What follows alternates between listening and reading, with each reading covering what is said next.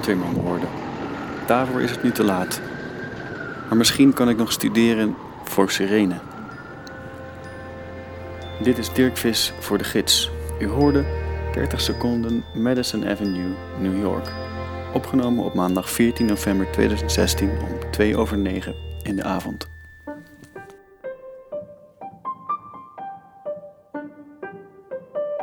Welkom bij de Gids, de podcast nummer 5.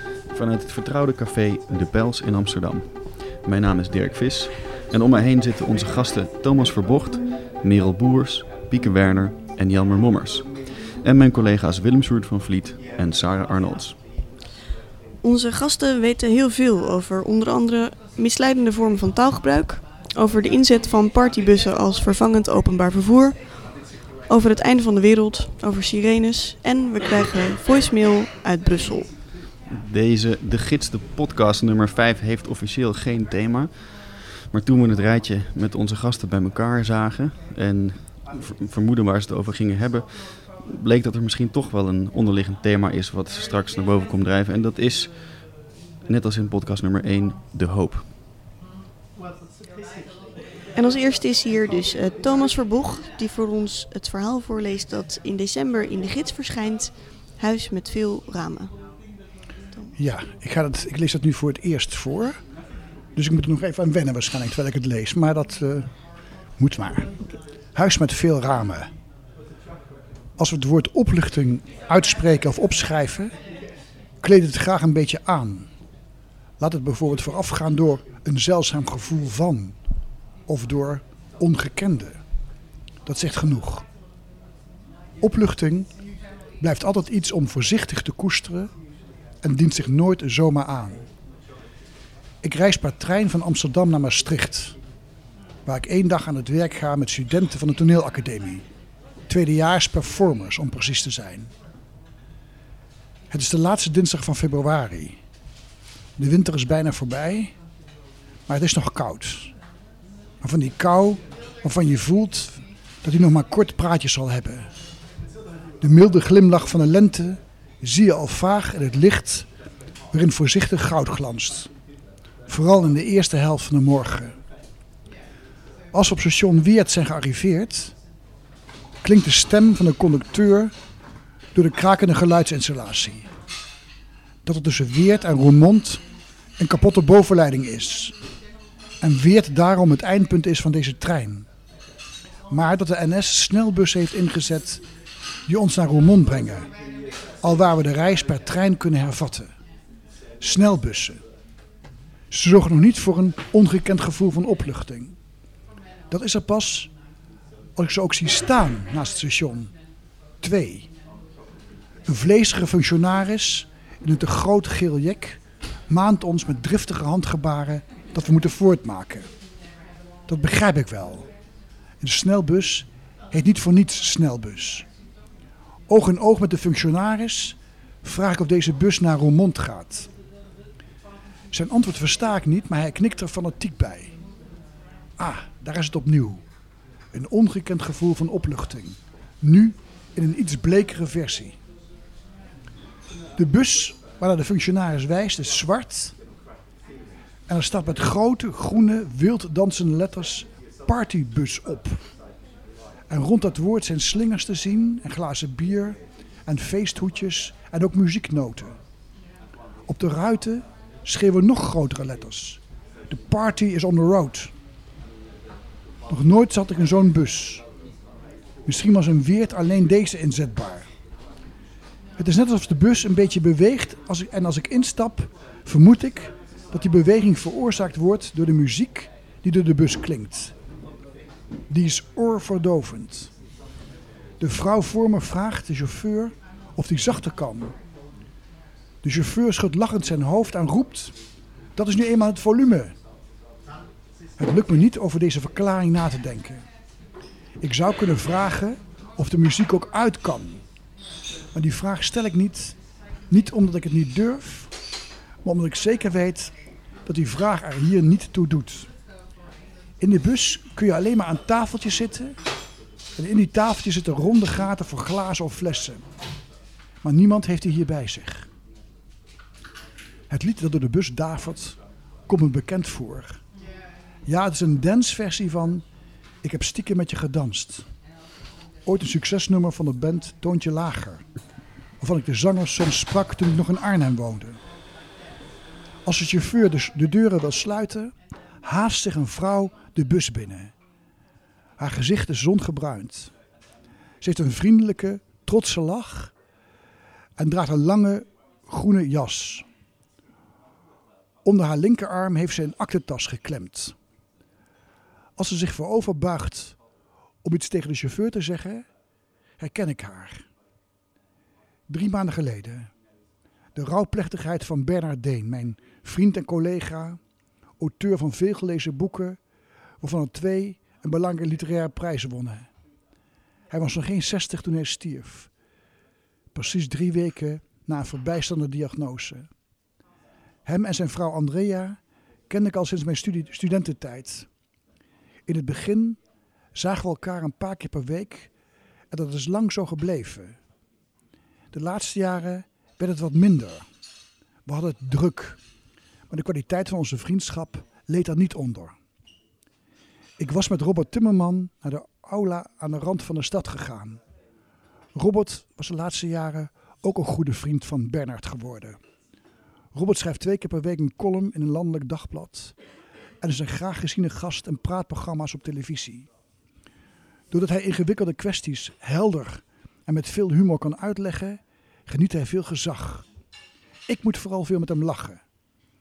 We zijn beide liefhebber van het variété uit de beginjaren van de Nederlandse televisie. De laatste dagen hebben we veel over Bernard gepraat. Natuurlijk ook Andrea geholpen bij alles wat er bij een overlijden komt kijken. Maar we hebben ons vooral ondergedompeld in ons leven met Bernhard. Soms keken we elkaar alleen maar met betraande ogen aan. Soms keken we alleen maar met betraande ogen naar buiten.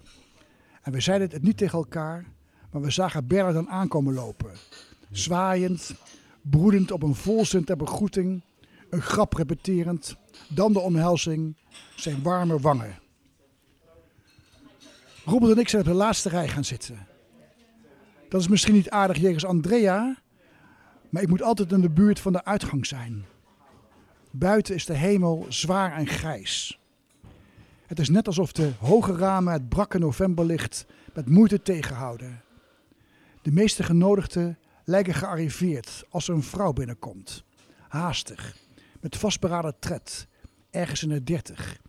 Ze kijkt niet om zich heen en loopt naar een niet helemaal volle rij vooraan en gaat op de, op de hoek zitten. Robert en ik kijken elkaar aan. Ik ben ervan overtuigd dat hij hetzelfde denkt als ik. Wat we vaak hebben. Maar die gedachten kunnen we niet uitspreken. Want ineens staat er een geuniformde vrouw van de begrafenisondernemer naast ons en die vraagt ons streng of we wat meer vooraan kunnen gaan zitten. Op verzoek van de familie. Natuurlijk doen we dat. En we gaan zitten in de rij waarvan, je, waarvan de vrouw zojuist een hoekplaats heeft bezet. Ik naast haar. Robert buigt zich naar me toe. Jij zit toch maar mooi naast de geheime minnares van Bernhard. Wist jij het? Nee. Steeds vaker kom ik erachter dat je mensen die je denkt goed te kennen, misschien wel helemaal niet goed kent. Misschien kwam zij nooit ter sprake. Misschien kon ze wel geen onderwerp van gesprek zijn. Misschien kon ze zich helemaal niet voegen in wat wij bespraken. Spijt het me dat ik het niet wist? En waarom wisten Robert en ik het tegelijkertijd zeker? Bijna alle aanwezigen heb ik wel eens gezien. Bernard en Andrea gaven vaak feesten. Haar nog nooit. Het is ook alsof ze hier niet hoort. Maar dat vindt ze zelf niet. Ik kan het niet laten af en toe naar haar te kijken. Ze heeft een krachtige uitstraling en, het kan waarschijnlijk niet anders, ze heeft iets onweerstaanbaars. Een tintelende charme die bijna vanzelfsprekend is. Tijdens de toespraken lacht ze soms als enige. Ze heeft een wat schorre lach. Ik probeer me haar bij Bernard voor te stellen. Ik zie haar huis vormen, een huis met veel ramen. Ik zie dat Bernard en zij elkaar omhelzen. Koortsachtig, gulzig. Verandert zij mijn herinneringen aan mijn overleden vriend? Verandert zij mijn omgang met Andrea? Zou ik met haar willen praten over Bernhard? En hoe komt het dat zij het donkere verdriet dat ik voel om Bernhards dood minder zwaar maakt, even? Ik heb de behoefte haar aan te raken, haar hand vast te pakken en te zeggen dat ik begrijp dat zij ook rouwt. En dat, het, en dat het voor haar moeilijk moet zijn het hier met niemand te kunnen delen. Het spijt me nu pas dat Andrea mij niet gevraagd heeft het woord te voeren. Alleen ik en de kinderen. Bernard wilde dat zo. Anders had ik haar tijdens mijn toespraak af en toe kunnen aankijken. Verdriet kan voor een vreemde stemming zorgen. De sfeer na afloop is bijna ontspannen, licht, er wordt veel gelachen. De samenkomst is in het clubhuis van de roeivereniging waarvan Bernard lid was. We kijken uit over de Amstel, die er al even zwaar en grijs uitziet als de hemel boven Amsterdam. Ze is er nog. Ze spreekt niemand aan, niemand haar. Ze staat in een hoek met een glas rode wijn. Soms loopt ze even rond. Ik zie dat ze af en toe glimlacht, geheimzinnig en ook een beetje vrolijk. Bijna alsof ze een paar seconden in de banden is van een binnenpretje. En ineens is ze verdwenen. Het is nu bijna vier maanden geleden. Met een schok besef ik dat ik op nieuwjaarsdag voor het laatst bij Andrea ben geweest. Terwijl ik in december wel drie keer per week naar haar toe ging. Ik vroeg haar een keer of ik de klappers mocht inzien waarin mensen voor de rouwplechtigheid hun naam en adres schreven. Zogenaamd omdat ik het adres van iemand zocht. Ik kende natuurlijk niet iedereen, maar ik wist zeker dat ik haar naam er niet tussen zag staan. Natuurlijk wist ik ook niet voor 100% zeker of Robert en ik het bij het rechte eind hadden. Maar dat ik haar naam niet zag, bevestigde ons sterke vermoeden. Toen alles die middag was gezegd, liepen we allemaal langs de kist. Zij ook, zij liep voor ons. Andrea moet haar gezien hebben. Ze antwoordde ontkennend toen ik haar vroeg of er mensen waren die ze niet verwacht had. Voor het antwoord dacht ze even na. Ik heb stiekem met je gedanst. Ik hoop dat jij dat leuk vond. De partybus rijdt inmiddels en het lijkt wel alsof het volume nog voller is. Het kan natuurlijk niet, maar ik heb het gevoel dat de bus het ritme van het lied volgt. Stiekem dansend door het nawinterse Limburgse landschap. Ze staat in het gangpad. Alle zitplaatsen zijn bezet. Even heb ik de neiging voor op te staan en haar de mijne aan te bieden, maar dan is het net alsof ze oud en gehandicapt is. Of oud en gehandicapt. Ik wil iets tegen haar zeggen, maar weet niet wat. Ik durf het ook niet zo goed. Bang dat ik me meng in iets intiems van haar en Bernard. Iets wat ik, nu Bernard dood is, met rust moet laten. Dan pas ziet ze mij. Ze knikt, kort, zakelijk.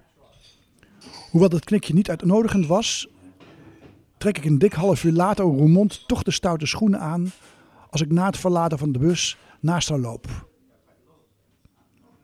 Ik zag je bij de plechtigheid voor Bernard, zeg ik. Ze knikt, lacht vriendelijk. Je zat naast me. Ja. Zij zou nu iets moeten zeggen, maar dat doet ze niet. Ze ziet er ook niet uit alsof ze dat van plan is. Toch geef ik het nog niet op. Ik vind het nog iedere dag erg.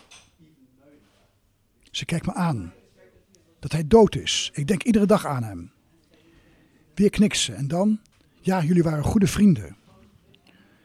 Ze kijkt nu om zich heen alsof ze iemand zoekt. Ik doe nog een laatste poging en wijs met, mijn duim achter me. Het is me wat. Wat? Nou, in zo'n bus door Limburg rijden. Ze lacht en zegt: Het gaat er niet om hoe je er komt, als je er maar komt. En dan zwaait ze naar een kleine vrouw die bij de hoofdingang van het station staat. Ze versnelt haar pas, loopt op de vrouw af en omhelst haar teder. Ik weet zeker dat ik haar hierna nooit meer zie. Het was ook op een februaridag als deze toen Bernard in mijn leven kwam. Het was 1973. Hij had een kamer gehuurd in een studentenhuis waar ik al sinds september het jaar daarvoor woonde tegenover een van de stadsparken. Ik ging net de deur uit toen hij op een blauwe bakfiets arriveerde. In de bak stonden onder meer een zeer gehavende fauteuil. Op de zitting ervan lag een stapel LP's. Bovenop New Morning van Bob Dylan. Bernard stapte van, van zijn fiets en kwam naar me toe. We gaven elkaar een hand. Hij keek om zich heen, spreidde zijn armen en zei: Een dag om optimistisch van te worden. Ik wist wat ik niet kon weten, maar toch wist. Dat we op dat moment begonnen aan een levenslange vriendschap. Er zat lente in de lucht. Het was nog koud, maar het was van die verdwijnende kou. We stonden in de eerste minuten van een toekomst die eindeloos was. Ik haalde diep adem, opgelucht. Ja, zei ik, zo'n dag is het. Ik wil dat je de voice-over van mijn, van mijn hele leven doet. en, als ik je boek lees, dan, dan is dat ook een beetje zo. Um, wil ik altijd heel veel van je weten en aan je vragen. Maar al die andere fans willen dat ook. En uh, daarom heb ik als, ik, als je dat goed vindt, hier een aantal vragen van je lezers en fans voor ja, je. Dat vind ik heel, heel, heel verrassend al, uh, nu als haar. Goed, ja, nou de eerste vraag komt van lezer Marjan, 58. En uh, ze wil heel graag weten, uh, Vraag jij je wel eens af waarom veel mensen graag willen weten of je werk autobiografisch is? En in hoeverre het autobiografisch is? Of begrijp je die nieuwsgierigheid en heb je dat zelf ook wel eens als je iets leest? Ja, dat zijn heel veel vragen. Ja. Kijk, en um, het, is, het is ja, nou, ik, ik denk eigenlijk nooit zo over na of, het, of een werk autobiografisch is. Ik bedoel, nee, dat, dat is niet iets wat mij enorm bezighoudt. Maar in mijn geval kan ik dit zeggen. Dat het, vroeger zou ik gezegd hebben, vroeger een paar boeken geleden. Nee, het verhaal is niet autobiografisch, maar wat ik met het verhaal wil vertellen, dat is uiteraard wel autobiografisch. Uh, maar sinds, ja, de, laat ik het zo zeggen, sinds een boek of vijf, zes geleden, merkte ik dat ik me gewoon zelf steeds meer thuis voelde in, in een verhaal waar, waar, waar, ik ook voor mezelf durfde te zijn. Vroeger verschoot me heel erg achter personages. Gewoon ja, het een soort schroom. Maar op een gegeven moment ben je die schaamte voorbij. En het kan me ook niet zo meer schelen. En ik moet, ik moet er nog iets bij zeggen. Uh, een jaar uh, drie geleden publiceerde ik op verzoek, of schreef ik op verzoek van uitgeverij De Bezige Bij, een boek over een vriend van mij, die was overleden, Frans Kusters. Dat boek heet Het Eerste Licht Boven de Stad. Hij zei vroeg aan mij, wil je een boek schrijven over jullie vriendschap? Over twee jongens die de literatuur aan willen. En toen, dat heb ik gedaan. En dat boek is, dat is een strikt autobiografisch boek. En, maar ik merkte dat ik me in die vorm heel erg thuis voelde. Dat ik ook, ook met een, bijna met een groter gemak schreef. Hoewel ik er soms ook wel een je, door, door, door aangedaan was, om dat woord maar eens te gebruiken. Dat, dat ik soms, het, het was af en toe wel zwaar. Maar ik, ik, ik, ik, ik, ik, het, het, ik voel me er meer bij thuis, wat ik net al zei. En in die tijd begon ik ook al te denken over dit boek. Als de winter voorbij. En dat is inderdaad voor een groot deel een, een, een, een autobiografisch boek. Hoewel ik er heel veel dingen bij verzin. Maar het stomme is dat ik niet altijd weet welke dingen ik nou verzonnen heb. En welke dingen echt zijn gebeurd dat loopt in mijn leven zo door elkaar heen. Ik, kijk, dat, dat fantaseren of ergens een verhaal van maken is een tweede natuur geworden. Ik doe dat bijna automatisch. Ja, nu, ik, zit nu, nu achter een microfoon en naast jou, dat begrijp ik, maar ik, ik kan er ook over gaan verzinnen. Dat je me eigenlijk een andere vraag stelt of zo. Weet je, dat, dat heb ik heel makkelijk. Maar om het bij het begin terug te komen, ja, het is wel, het is voor een groot deel autobiografisch. Is dit antwoord... Um... Ja, ja oké, goed, oké. Dan heb ik nu een vraag van de lezer, lezer Titia van 27. Die uh, wil graag weten, en dit is haar exacte vraag. Uh, was jij toen je 27 was ook wel eens in paniek? Of was je altijd al zo chill? En in dezelfde lijn ligt de vraag van lezer Frank, 25. Die vraagt, was vroeger altijd alles beter of lijkt dat maar zo? Nee, vroeger was helemaal niet alles beter. Dat zeggen mensen soms helemaal niet. Nee. Uh, en en uh, dat, de, dingen die niet beter waren, die zijn ook nog nooit veranderd. Maar, maar over dat chill. Nee, ik, ik, ben, ik ben heel vaak in paniek. Maar ik, ik probeer mijn paniek te, relatief, te, relativeren door of daar, naar aanleiding daarvan die paniek te schrijven. En toch de hilariteit weer op te zoeken. Want je kunt, er valt ook heel veel, ook in je paniek valt er heel veel te lachen om het alledaagse. En ook wat zich boven het alledaagse verheft. En, uh, maar ik, uh, uh, kijk, maar ik, ik, ben, ik, ik merk dat ik, naarmate ik ouder ben geworden, dat ik die paniek wat minder werd, omdat ik me zo thuis voel in de wereld waar, waarover ik zelf de baas ben de wereld namelijk van mijn, van, van mijn verbeelding. En uh, daarom, daarom ben ik eigenlijk nu nooit zo meer in paniek van de wereld van het alledaagse leven. Waar ik boodschappen moet doen en waar ik bekeurd word, et cetera. Dat soort zaken. Dus uh, ik vind het mooi, fijn dat het woord chill hier is gebruikt. Uh, maar, wat, wat Titia's natuurlijk eigenlijk wilde weten was een soort geruststellend antwoord dat het, dat het ook voor haar beter zal worden. Kun haar dat beloven? Als, ja, zeker. Dat kan ik haar zeker beloven. En als het de Titia is van wie ik hoop dat, dat, die hoop dat het is, dan denk ik dat ze, uh, als zij zich nog intenser met, met het schrijven bezig wordt, met het maken van dingen die er nog niet waren, dat daardoor de paniek om alles steeds meer naar de achtergrond verdwijnt. Want nogmaals, wat ik net al zei, dan, dan kom je op een domein waarop jij het voor het zeggen hebt. En dan kun je ook alle paniek bezweren. Of belachelijk maken zelfs. Dat komt dus goed, Sarah. Ik vind het heel fijn. Uh, een uh, laatste vraag. Deze laatste vraag is van mezelf. In het, in het verhaal wat je net voorlas en ook in je laatste roman, Als de winter voorbij is, spelen schijnbaar toevallige ontmoetingen een grote rol. En nu hebben we natuurlijk afgesproken dat wij elkaar hier vandaag gaan treffen. Dus het is niet een enorme verrassing dat we elkaar hier nu zien. Maar toch wil ik je graag vragen: is deze ontmoeting ook toevallig of is hij voortbestemd? Dat vind ik een hele ingewikkelde vraag, met een enorme filosofische lading ook, uh, Sarah. Um, nee, het is voorbestemd, want we hebben het afgesproken. Maar dat we ooit deze afspraak kunnen maken, dat komt weer voor uit toeval. Omdat wij elkaar ooit troffen op de Rietveld Academie, waar jij in, eh, les van mij kreeg. En dat, dat, dat was eigenlijk, dat, ja, dat ik op de Rietveld gaan lesgeven. Dat had ik nooit kunnen denken. Maar toevallig deed ik dat het jaar. En toevallig kwam ik jou tegen. En we zijn in contact gebleven. En toen vroeg je me dit. Maar kijk, maar, maar het is wel zo dat natuurlijk dat soort, dit soort dingetjes. Dus dat ik, ik, eigenlijk toen, ik gevraagd had om, nou, om de, op de Rietveld les te geven, dat doe ik inmiddels niet meer. Dat, nou, wat lijkt me wel interessant om even te doen. Nou, dan deed ik dat. En dat zijn van die toevallige dingen in je leven die je leven toch kunnen veranderen. Een verandering is bijvoorbeeld dat ik hier zit en praat voor een, voor een, voor een, voor een programma, een radioprogramma.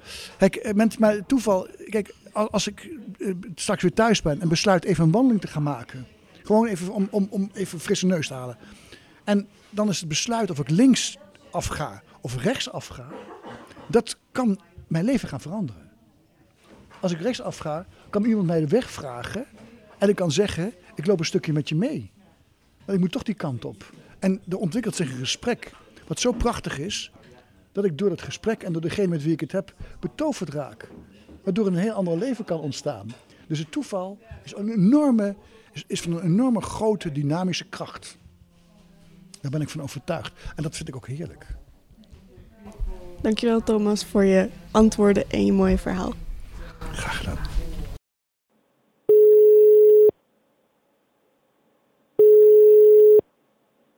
gids is momenteel niet bereikbaar. Bent u in den vreemde en wilt u toch bijdragen? Mail ons op webredactie apenstaartje de koppeltekengids.nl of spreek een bericht in na de piep. De feitelijke wereld. Zij herkennen in hem haar eigen nood aan vlucht uit de feitelijke wereld. Hij belichaamt haar zoektocht naar het andere. Hij was geen vaste gedachte, maar een steeds voortbewegende stroom aan een doof. Ze wilde hem niet concretiseren en vluchtte van hem weg alsof de simpele daad van uitwisseling van woorden de magie die van hem uitging zou verbreken. Hun wegen zouden zich vele malen kruisen. In de afstand die tussen hen beiden bestond, ging een spanning die met de tijd zichtbaar werd. Ze nam een kleur aan en verblindde hen, totdat ze onzichtbaar op hun benen trilden bij de eenvoudige gedachte aan de hitte van het brandende rood tussen hun lichamen in. Voor de eerste keer stond hij alleen met het meisje naast zich. De leegte en de donker rondom hen heen leek tot een eindeloze ruimte uitgezet en maakte hen tot gewichtsloze en betekenisloze lichamen in een heelal. De uitzonderlijke stilte bracht weer rust in zijn hoofd, maar het rood brandde in zijn borstkas. Hij genoot van deze zeldzame momenten waarin de constante gedachtenstroom in zijn hoofd naar de achtergrond verdween en een sterk aards gevoel zijn lichaam herinnerde aan het leven. Het trilde en zoals ademen was een uiterste sensatie. Er verscheen aan hen een halfzachte droom van twee delen die één hoorden te zijn. Door de onvertrouwde puurheid ervan voelden ze zich ontdaan van hun weerstand en ademden ze het schelle en zinderende beeld in. Ze hielden zinneloos in adem op, in een hooghartige overtuiging dat deze alles overstijgende sensatie hen toebehoorde en vast te houden was. Beiden kuchten en hoesten bij een tweede onmatige haal.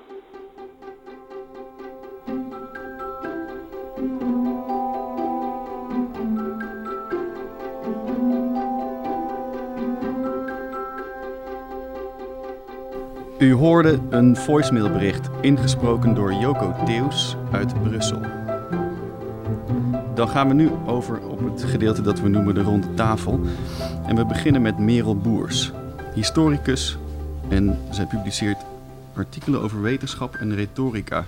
En ze komt binnenkort met een publieksversie van haar proefschrift A Controversy on Moral Judgment. Merel, je hebt voor ons iets voorbereid vandaag. Ja, Barst los. Een paar jaar geleden zat ik koffie te drinken met een redacteur van een krant.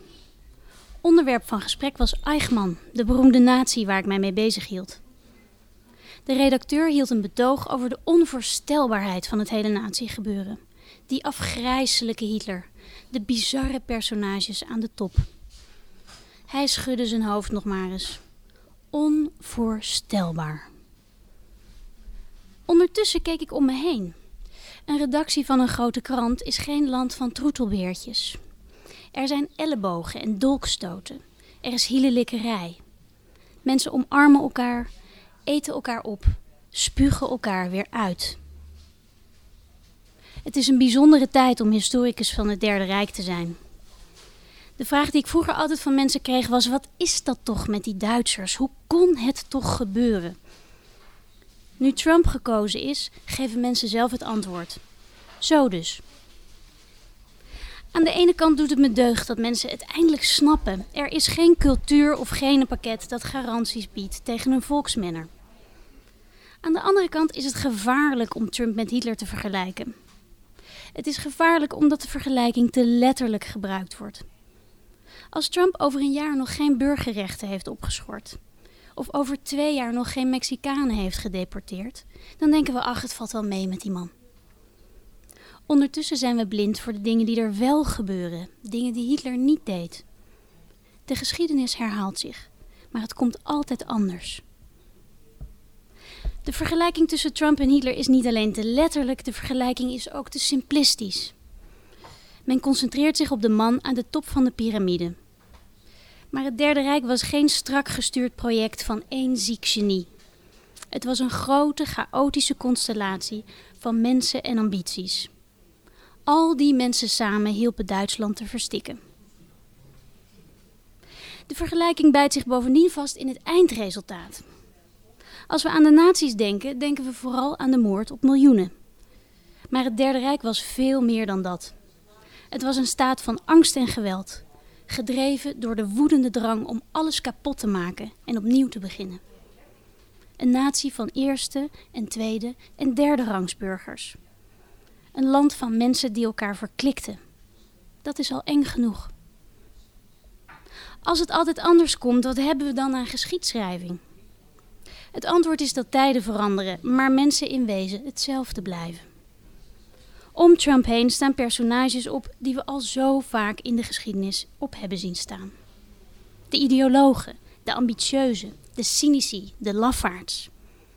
Laat je niet afleiden door het haar, door het gedraai en door de kleine handjes van Trump. Kijk wat er op hem heen gebeurt. Kijk naar de beroepsradicaal Newt Gingrich, die expliciet gezegd heeft dat hij zich erop verheugt om massaal ambtenaren te ontslaan en de federale staat in chaos te storten.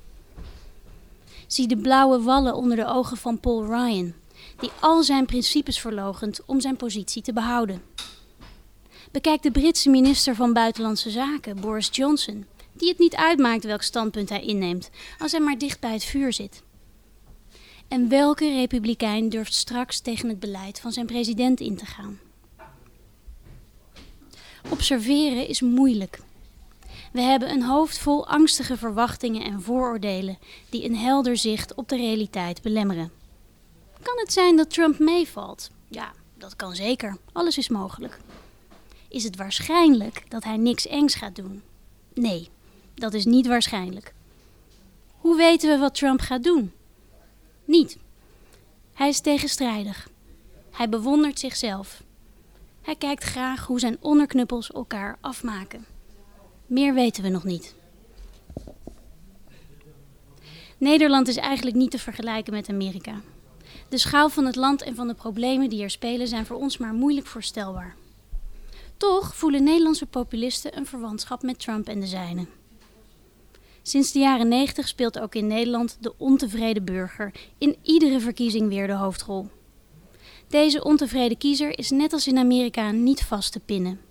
De woede zit van links tot rechts, bij mannen en vrouwen, bij alle kleuren en achtergronden, aan de onderkant, aan de bovenkant en in het midden.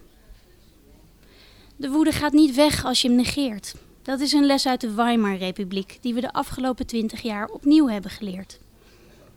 Meedoen helpt ook niet.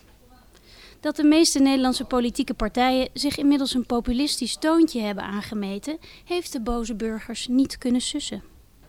Men voelt zich alleen maar meer geminacht. En terecht. Dit populisme van de middenmoot is meestal een neerbuigend trucje, een retorisch sausje om kiezers terug te winnen. Observeren is moeilijk. Het vergt rust, geduld en vooral ballen. De New York Times legde vorige week haar hoofd quasi nederig in de schoot. We hebben gefaald als verslaggevers, schreef de redactie. We hebben dit niet zien aankomen. We zullen beter luisteren.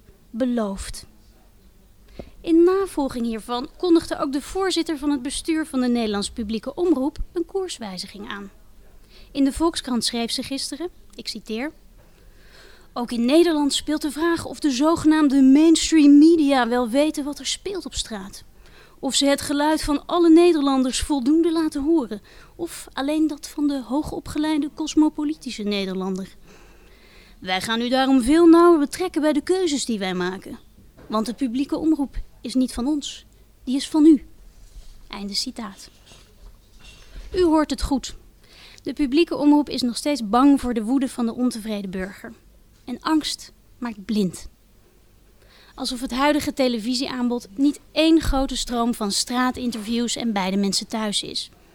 Alsof het journaal de afgelopen jaren niet verkleuterde, de kranten niet vertwitterden, alsof alle ernst en autoriteit niet uit de journalistiek gezogen zijn onder het mom van wat een niet-elitaire mens zogenaamd zou willen. Iedereen mocht reageren op alle websites. En? Hielp het? Is de ontevredene tevredener geworden van dit eindeloos narcistisch beluisteren van zichzelf? Eerst observeren, dan reageren. Niet alleen de ontevreden kiezer heeft het gevoel dat hij de controle kwijt is. De meeste mensen hebben dat. De een is bang voor Marokkanen, de ander voor vaccinaties, de volgende voor blanke mannen van middelbare leeftijd. Politici, journalisten, je bent geen doorgeefluik voor wat er letterlijk gezegd wordt. Je bent ook geen uithangbord voor je eigen angsten. Je moet reageren op de realiteit die onder de angst ligt. Een wereld die veel buigzaamheid van mensen vraagt en volgzaamheid. Een wereld waarin mensen blootstaan aan een hoop lulkoek en leugens. Een wereld waarin mensen in toenemende mate overbodig zijn. Wil de helft van Amerika echt dat alle illegalen het land uitgetrapt worden? Wil een wilder stemmer koste wat kost een hoofddoekverbod ook voor die lieve Jasmin van personeelszaken? Dit soort verlangens doorstaat zelden de toets van het individu. Niet voor niets klaagde Himmler dat het uitroeien van Joden zo verschrikkelijk moeilijk was. Want iedereen was het in principe eens met het beleid, maar ze kwamen allemaal aan zijn kop zeuren om een uitzondering. Voor een buurman, een zakenrelatie of een beste vriend. Dankjewel, Neil.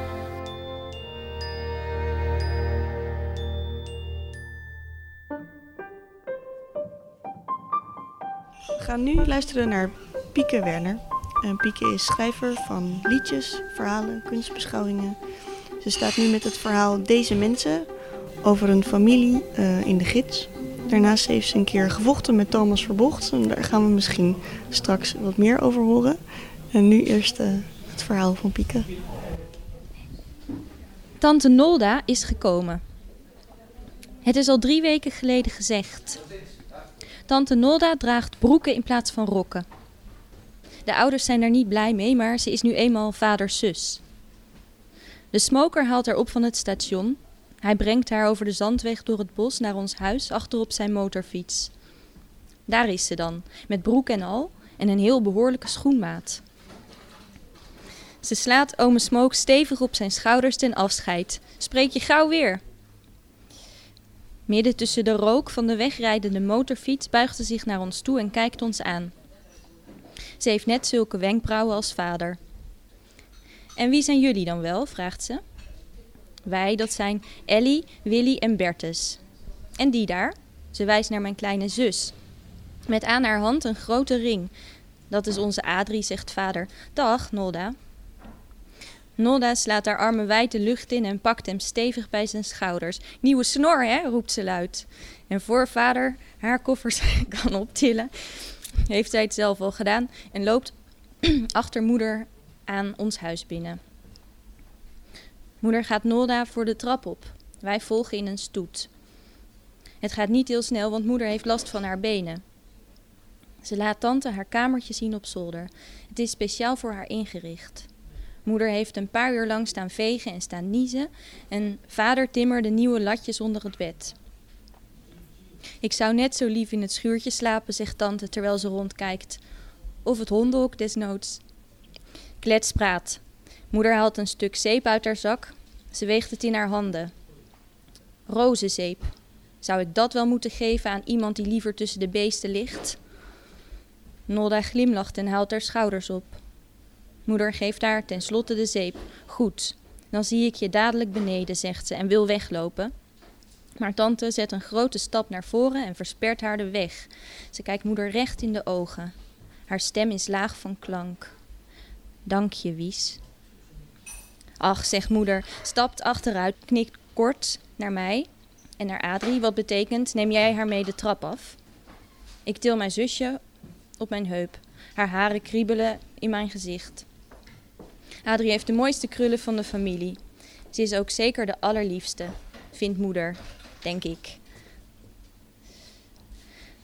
Aan tafel zet moeder een pan met eten neer en knikt naar vader. Vader vouwt zoals altijd zijn handen. Tante blijft zitten met wijd open ogen.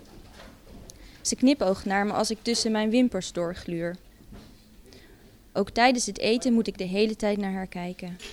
Het gekke is, haar ogen lachen wel, maar tussen haar wenkbrauwen staat een streep. Ze zit rechtop.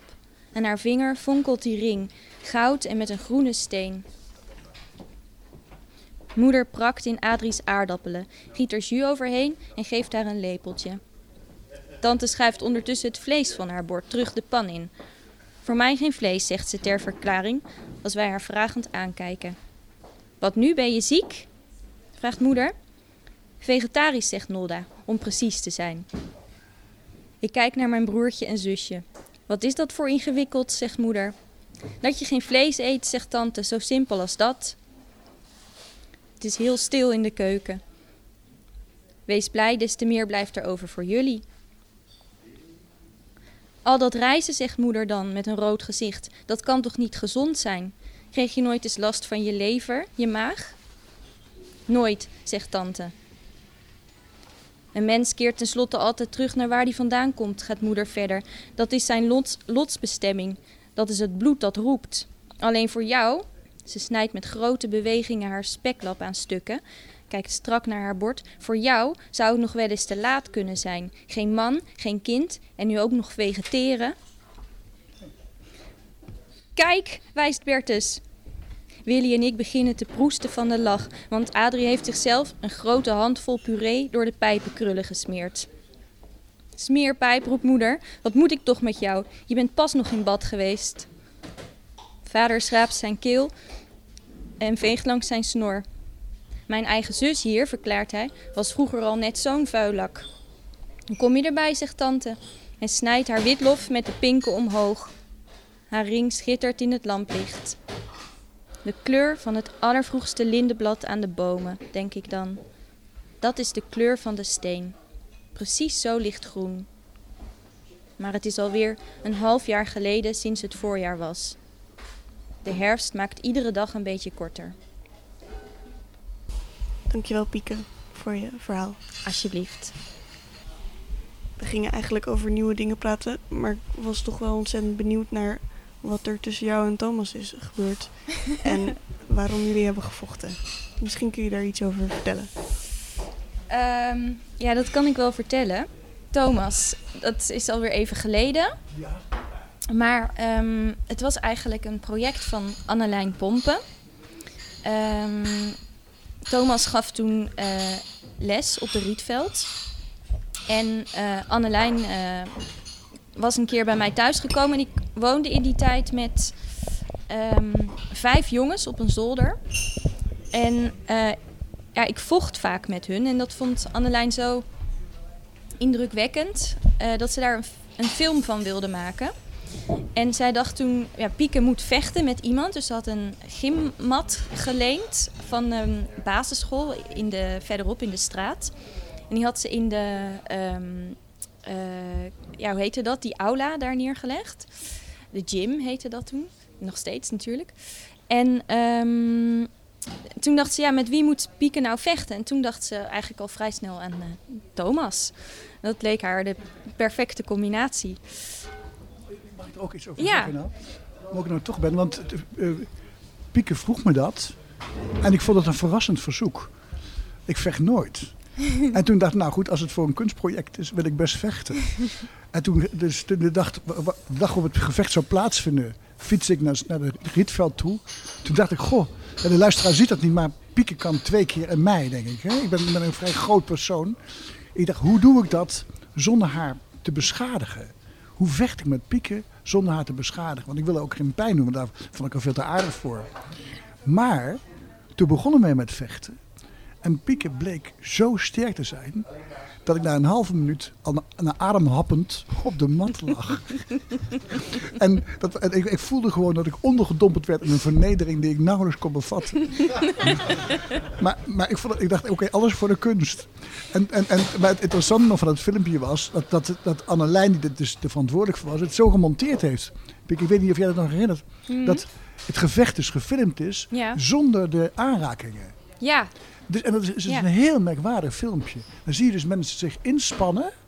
Enorm inspannen. Je ziet ook het gevolg van, jij was ook enorm hijgen. Ja. ook. Maar je ziet dus niet wat we doen met elkaar. Alleen dat we dus om elkaar heen bewegen of op de grond liggen of zo. Ja. Het is een heel rare film. Heel rare film. Maar, maar, maar, maar het hoort bij, als, bij de top 10 van avontuurlijke ervaringen in mijn leven staat het heel hoog dit hoor. Ja, maar nou ja, voor mij toch ook wel, ja. Gelukkig. Ja.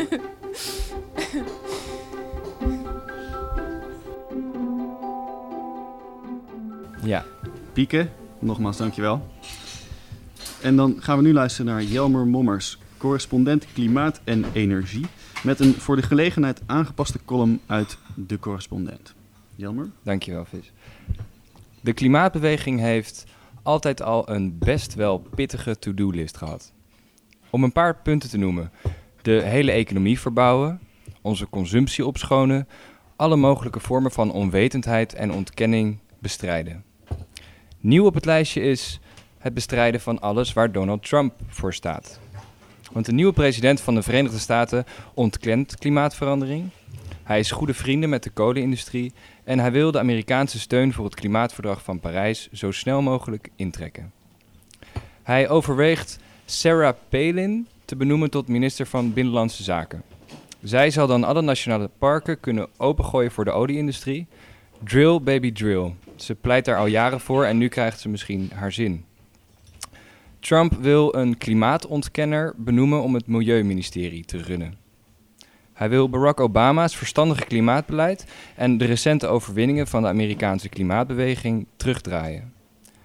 Hij zal klimaatverandering de komende jaren blijven ontkennen, of misschien zegt hij er soms iets accuraats over.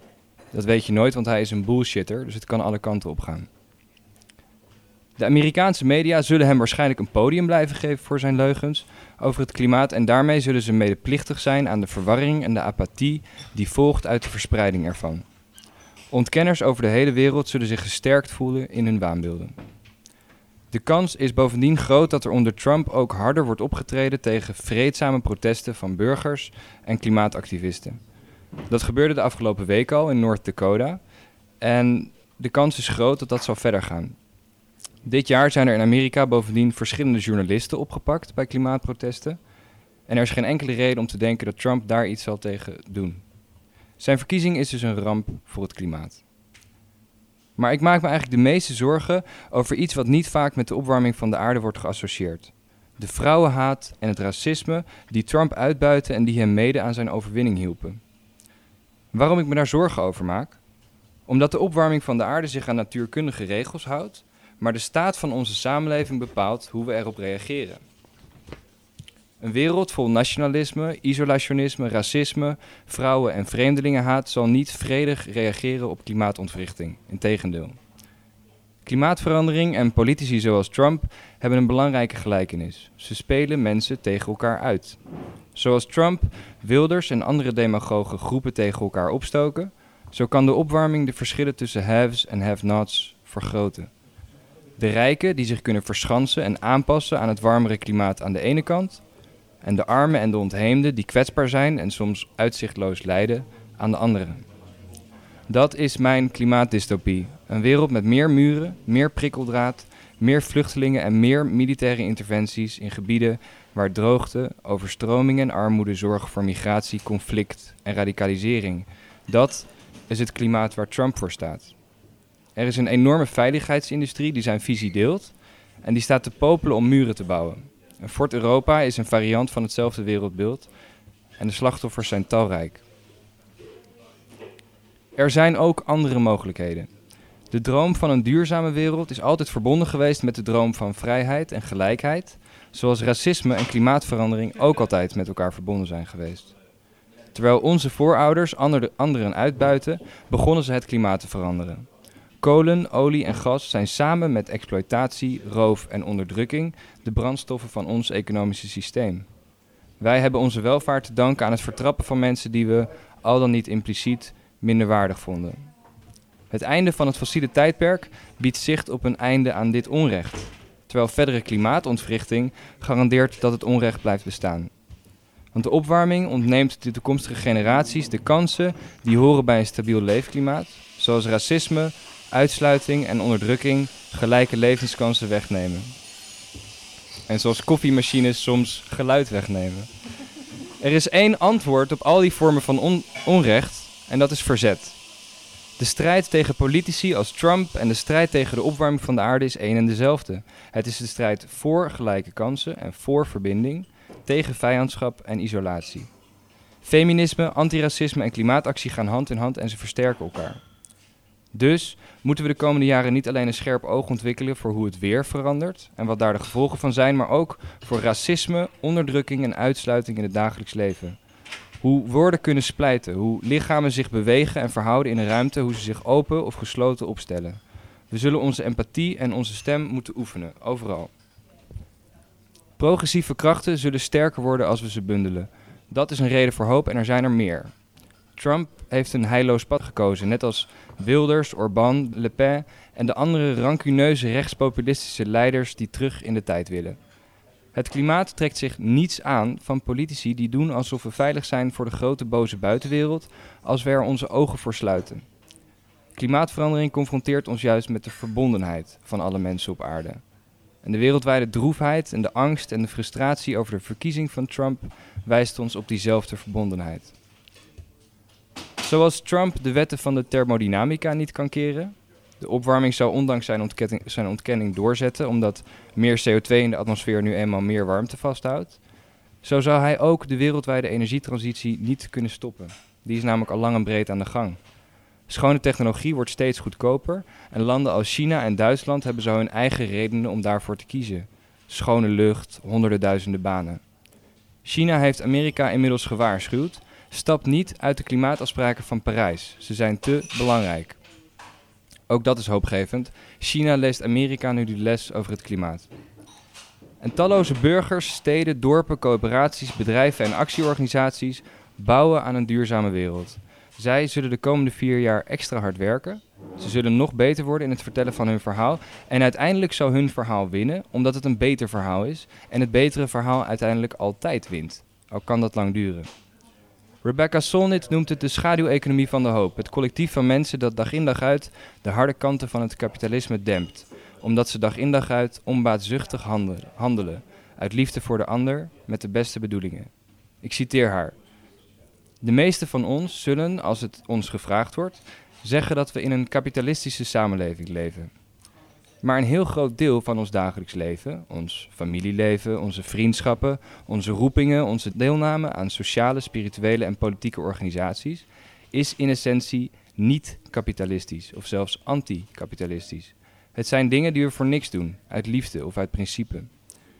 In zekere zin is het kapitalisme een permanente ramp die af en toe wordt verlicht door het anticapitalisme, zoals een moeder de rotzooi van haar kinderen opruimt. Veel activisten doen alsof de oplossingen die we nodig hebben nog niet uitgevonden zijn, alsof we vanaf nul moeten beginnen. Maar uiteindelijk is ons werkelijke doel het vergroten van de kracht en de rijkwijde van de al bestaande mogelijkheden.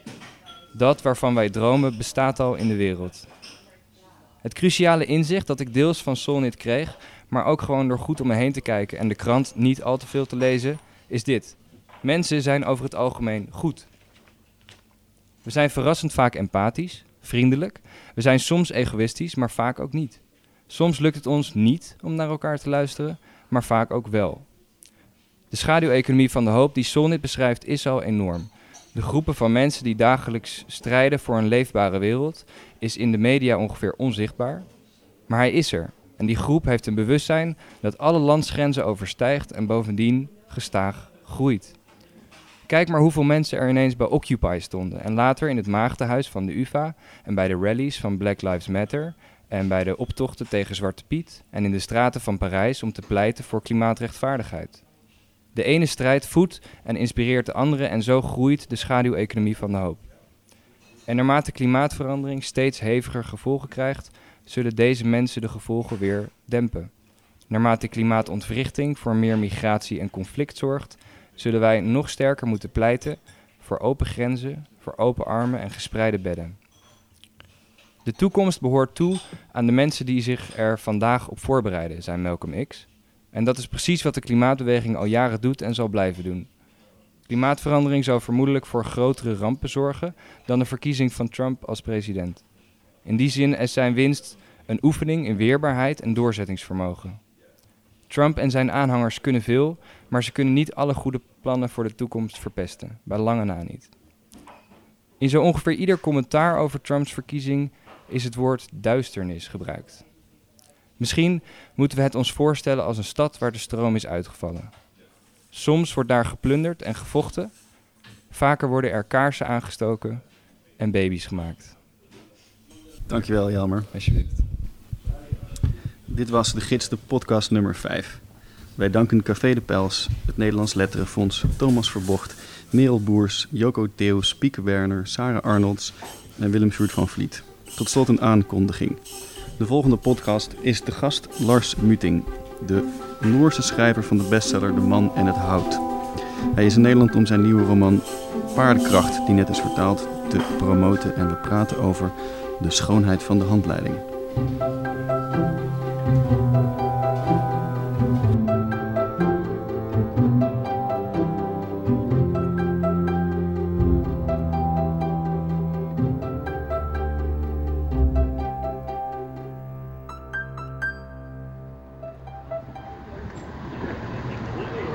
Sirene, sirene.